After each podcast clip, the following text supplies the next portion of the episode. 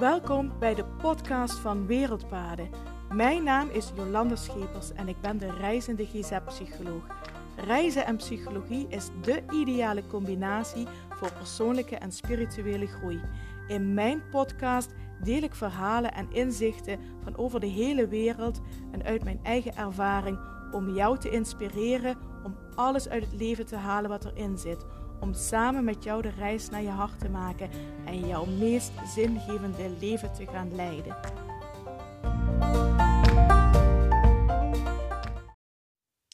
Hallo, hallo en super fijn dat je wel luistert naar de podcast van Wereldpaden. Het is vandaag donderdag 7 juli 2022.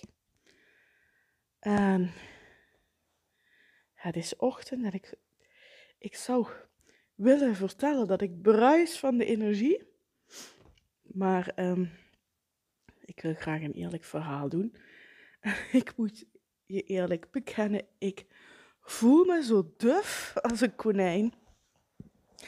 Trouwens, ik vraag me af waar dat vandaan komt. Duf als een konijn. Als ik naar Sammy, ons konijn, kijk, dan ehm, is zij alles behalve duf. Die staat al ochtends vroeg, als ik zelf nog een beetje met kleine oogjes in de beneden kom, dan uh, staat hij al te springen. Die is meteen aan en meteen uh, aandacht, zet dat deurtje open, ik wil eruit. En uh, dus ik snap niet zo goed waar de, waar de uitdrukking zo duf als een konijn, maar misschien bestaan er ook wel heel veel duffe konijnen. Dat weet ik niet. Hebben wij misschien net een heel um, niet duf konijn. Maar goed, ik wil eerlijk tegen zijn. Ik voel me op dit moment zo duf als een konijn. En als ik eh, de kans had, dan zou ik nog eens even lekker in bed gaan liggen en nog een uurtje slapen. En gisteren, gisteren, gisteren had ik trouwens een hele leuke dag. Ik had verteld hè, dat ik geen kennis maken of dat ik een overleg had met Jill. Um, met wie ik samen, zij wordt ook een co-trainer van het uh, zorgverlenersretreat. En het gekke is dat we elkaar nog nooit in het echt gezien hebben. Alleen uh, via, um, alleen via uh, social, social media en via beeldbellen elkaar gesproken hebben. En uh, dus we hadden gisteren live afgesproken. Het was heel leuk. En we, ja, het klikte echt heel erg leuk. We hebben echt zitten kletsen van 11 uur s ochtends tot 4 uur s middags. En toen zijn we naar huis gegaan. Was echt heel fijn. We hebben ook een, uh, gewandeld. We hadden afgesproken richting Weert. Want dat was ergens halverwege waar zij woont en waar ik woon. En we hadden ook afgesproken in een prachtig natuurgebied. Dus we hebben ook een heerlijke wandeling gemaakt. Was echt heel fijn. Dus um, ja, dat. Het, ik was ook best wel laat thuis. Toch nog een stukje rijden vanuit Weert. Gisteren ook nog, um, ja, um, hoe moet ik dat zeggen? Onze ouders, hè, die zijn toch al aardig op leeftijd. Drie van de vier zijn 80 plus. En uh, ja, Olaf en ik zijn natuurlijk ontzettend dankbaar dat we ze alle vier nog hebben. Maar goed, ze zijn aardig op leeftijd. En dat betekent soms ook dat, um, ja, dat de zorgrollen omdraaien. Als, um, als je klein bent, zorgen je ouders voor je. Als je hè, volwassen bent, dan wordt dat wat gelijkmatiger. Dan, dan, hè, dan hoef je niet voor elkaar te zorgen. En in de volgende fase, als eh, je ouders weer ouder worden, dan draai je die rollen om. En dan kom je als kind wat meer in de zorgrol terecht. Dus dat was gisteren ook van alles nog eh, aan de hand. En ja, aan beide kanten van de ouders ook. Uh, zieken, moeten ziekenhuisbezoek en terugkoppeling. En hè, wat heeft de arts aan gezegd en wat gaat er dan nu gebeuren? En ja, dat um, vraagt ook altijd tijd en aandacht. En dat is ook helemaal oké, maar ook wel brengt ook wel zorgen met zich mee. Dat je denkt, oei, hè, zo van eh, als alles maar goed gaat en hè, als dan uh, het behandeltraject ook maar aanslaat. En ja, dat, dat. Dus dat, uh, dus dat was met name gisterochtend aan de hand, voordat ik naar Weert ging, maar ook gisteravond. En want ik zat nog te denken, zou ik een podcast opnemen? Waar ik eigenlijk uh, niet meer zoveel energie en niet meer zoveel. Uh, ja, daar was, was even niet de ruimte voor. Heb ik wel nog wat zitten werken. Toen zag ik, ehm, toen zag ik de vragenlijst voorbij komen van een van de zorgverzekeraars voor het contract van 2022. Toen maakte ik de cruciale fout dat ik dacht, weet je wat, dan vul ik dat even in, dan is het ook weer klaar. Dus bij sommigen, vaak is het zo, eh, bij eerdere contracten was het zo, kreeg je drie vragen en dan zei ik, dan, uh, dan was, uh, kreeg je daarna te horen, ja, u komt in aanmerking voor een contract en we sturen u het contract door. Maar goed, ik had me vergist, dit waren iets meer vragen. Had ik ook niet moeten doen gisteravond, want ja, allemaal vragen waar je van denkt, jeetje mina nog. En op een gegeven moment kreeg ik ook de vraag, toen gingen echte hakken in het zand, zo van ik verklaar dat ik mij volledig conformeer aan de regels van die betreffende zorgverzekering. Dan dat ik ook denk, jeetje Jolanda, wat ben je eigenlijk aan het doen? Hè? Dat, um,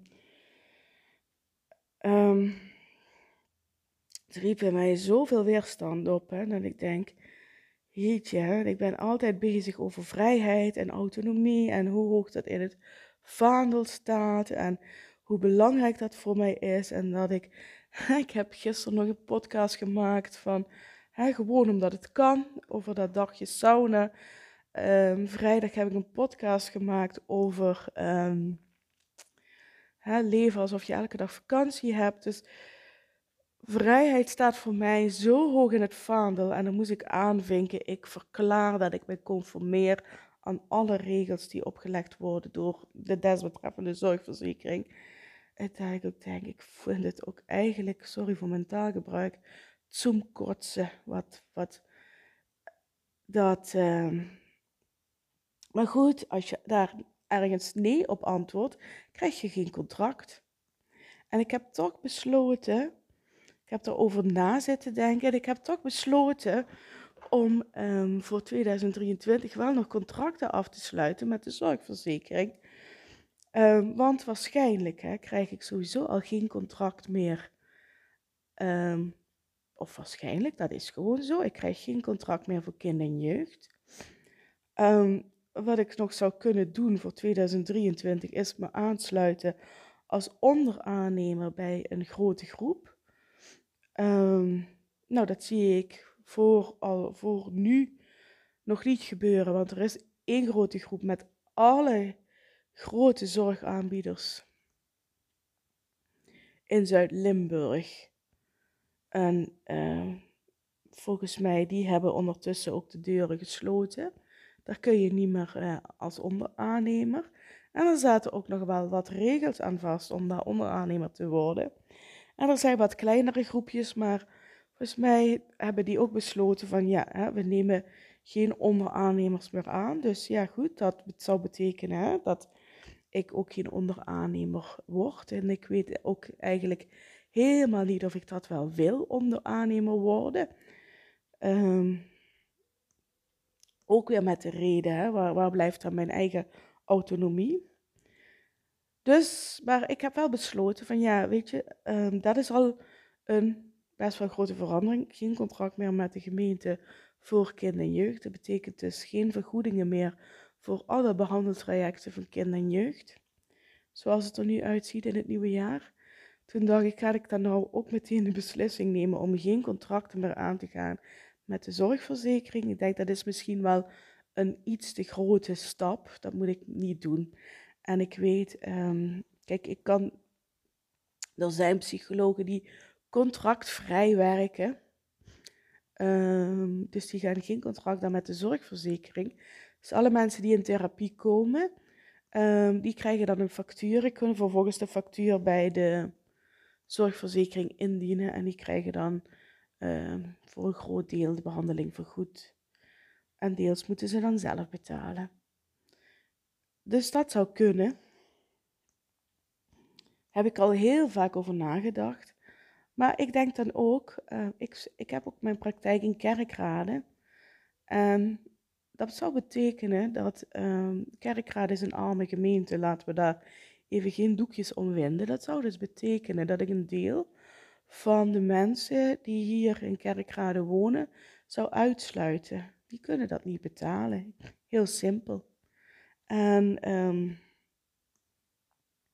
dus dat voelde voor komend jaar nog niet goed. Het gaat wellicht wel een keer komen dat ik geen contracten meer afsluit, contractvrij ga werken. Maar voor nu voelde dat nog niet goed. Maar van de andere kant, ook toen ik bezig was met het afsluiten van het contract, en vooral die vraag of die, hè, ik verklaar dat ik me conformeer aan de regels van de desbetreffende zorgverzekering, dat ik dacht, oh, dit is eigenlijk zo gaat tegen, zo tegen mijn principes in. Dit voelt eigenlijk zo niet oké. Maar goed, ik heb het toch gedaan. Um, in die zin, ik heb het contract nog niet getekend. Ik zou van die zorgverzekering dan uh, binnenkort voor oktober dan een contract aangeboden krijgen. En dan mag ik dan besluiten of ik dat wel of niet teken. Zo, maar het was eigenlijk niet zo'n goed idee om dat uh, gisteren te doen. Gisteravond. En uh, ja, ik denk ik ga dat toch vertellen in mijn podcast. Want ik kan me nou wel enorm opboosten van hè, hoe energiek en pop, pop, pop en pop, pop, pop. Maar ik denk, nee, ik voel me vandaag gewoon een beetje duf, een beetje suf moe. En ik denk dat het ook heel belangrijk is dat er aandacht mag zijn aan net aan ook die kant. Ehm, dat hoe goed het ook met je gaat, hè, en, en, en uh, dat je soms ook dagen hebt dat je denkt, of dingen hebt waar je van denkt, oh nee, moet dit echt? Oh, hier heb ik echt geen zin in. Of ik ben moe. Of boh, ik voel me eigenlijk, dit is niet mijn dag. En dat dat oké is. Hè? We zijn af en toe een beetje in een maatschappij terechtgekomen waar het allemaal maar in de flow en positief en energie en, eh, en, en, en noem maar op moet zijn. Hè? Soms zie je dat ook wel op Instagram op andere social media, op uh, sommige werkvlekken. Hè, dan heb je er van die positieve coaches die, hè, we gaan er weer voor en alles moet leuk en energiek zijn en verfrissend. En, en uh, daar is verder niks mis mee, maar als er ook maar aandacht is op momenten voor die andere kant, dat het ook oké is dat je af en toe opstaat en denkt, boah, Vandaag even niet, want ik ben moe. voel me niet zo lekker. Zit niet zo lekker in mijn vel. Het is mijn dag niet vandaag. Of dat er ook aandacht mag zijn voor negatieve emoties. Verdriet, angst, boosheid. En ik zeg negatieve emoties, maar eigenlijk is dat een foute uitdrukking. We maken een onderverdeling in positieve en negatieve emoties, maar eigenlijk is dat onzin. Er bestaan geen positieve en ook geen negatieve emoties. Er bestaan wel emoties. Alleen het waardeoordeel positief en negatief is wat wij er vanuit onze overtuigingen aan vasthangen.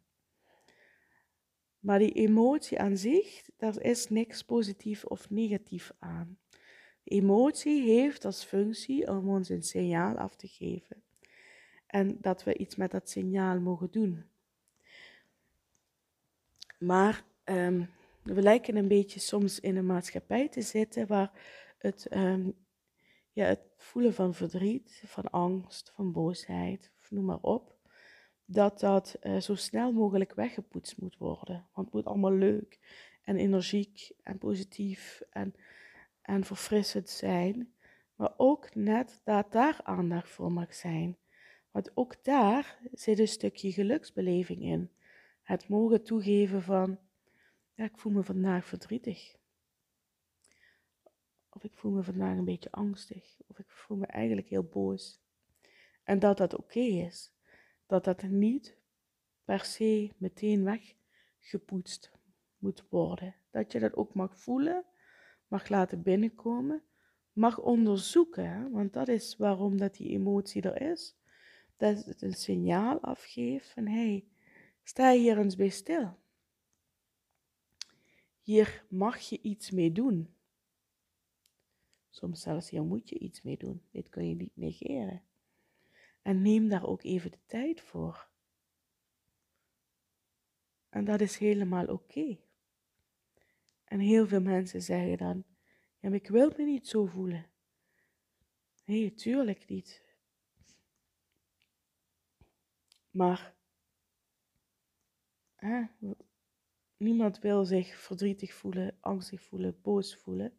Maar door het verzet ertegen wordt, dat wordt die emotie alleen maar groter en groter en groter. En je mag het binnen laten komen. Het is oké. En uh, ja, en ik denk dat er soms wat te weinig aandacht voor is. En dat mensen daar soms ja, de neiging hebben, ja, dat mag er niet zijn. Dat moet weg. Dat hoort niet. Of ik heb, ik heb toch een leuk leven en ik ben gelukkig, ik doe toch alles wat ik leuk vind. En dan voel ik me zo. Ja, maar dat is oké. Probeer dat niet weg te duwen of weg te stoppen of wat dan ook. Het is oké. Laat het er zijn. Het zegt helemaal niks over of je geen leuk leven hebt of dat je niet gelukkig over het algemeen bent of wat dan ook. Laat het er zijn. Mag er zijn en het verdwijnt dan ook alweer. Op het moment dat het je dan lukt om het te laten zijn, dan zie je ook al dat het al veel meer afzwakt. Oké, je hebt me dus. Die emotie zegt in feite oké. Of dat gevoel, je hebt me dus waargenomen. Je hebt dus gezegd, het is oké. Dus het signaal is afgegeven, het signaal is duidelijk. Jij hebt er iets mee gedaan en dan zie je ook dat het gevoel weer langzaam wegzakt. En tuurlijk, hè, dat is niet altijd binnen een dag. Hè. Soms ervaren we ook emoties die intenser zijn en veel langer blijven hangen. Denk maar eens aan verdriet, als bijvoorbeeld iemand overleden is. Dat zij, is vaak een hele periode van verdriet. En, en vaak Ehm, komt het verdriet ook weer in fases in je leven omhoog. En dat is oké en dat mag. En misschien is het niet fijn en ook dat is oké dat je het niet fijn vindt. Maar het onderkennen van die emoties en zeggen van ja, het is oké dat, dat die er nu is. En vaak ook heel begrijpelijk dat die emotie er is. Laat hem binnenkomen. Zeg, bij wijze van spreken, ik heb je gezien, ik heb je gevoeld. Het is oké dat je er bent en ik ga daarmee aan de slag.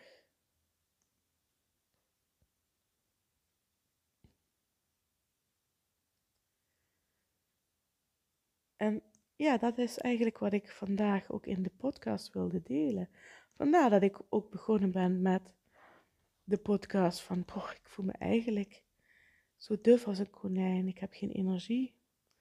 En ik, uh, ik, dat vond ik belangrijk om te delen. Dat, dat ik ook soms opsta en denk, boh, ik ben moe.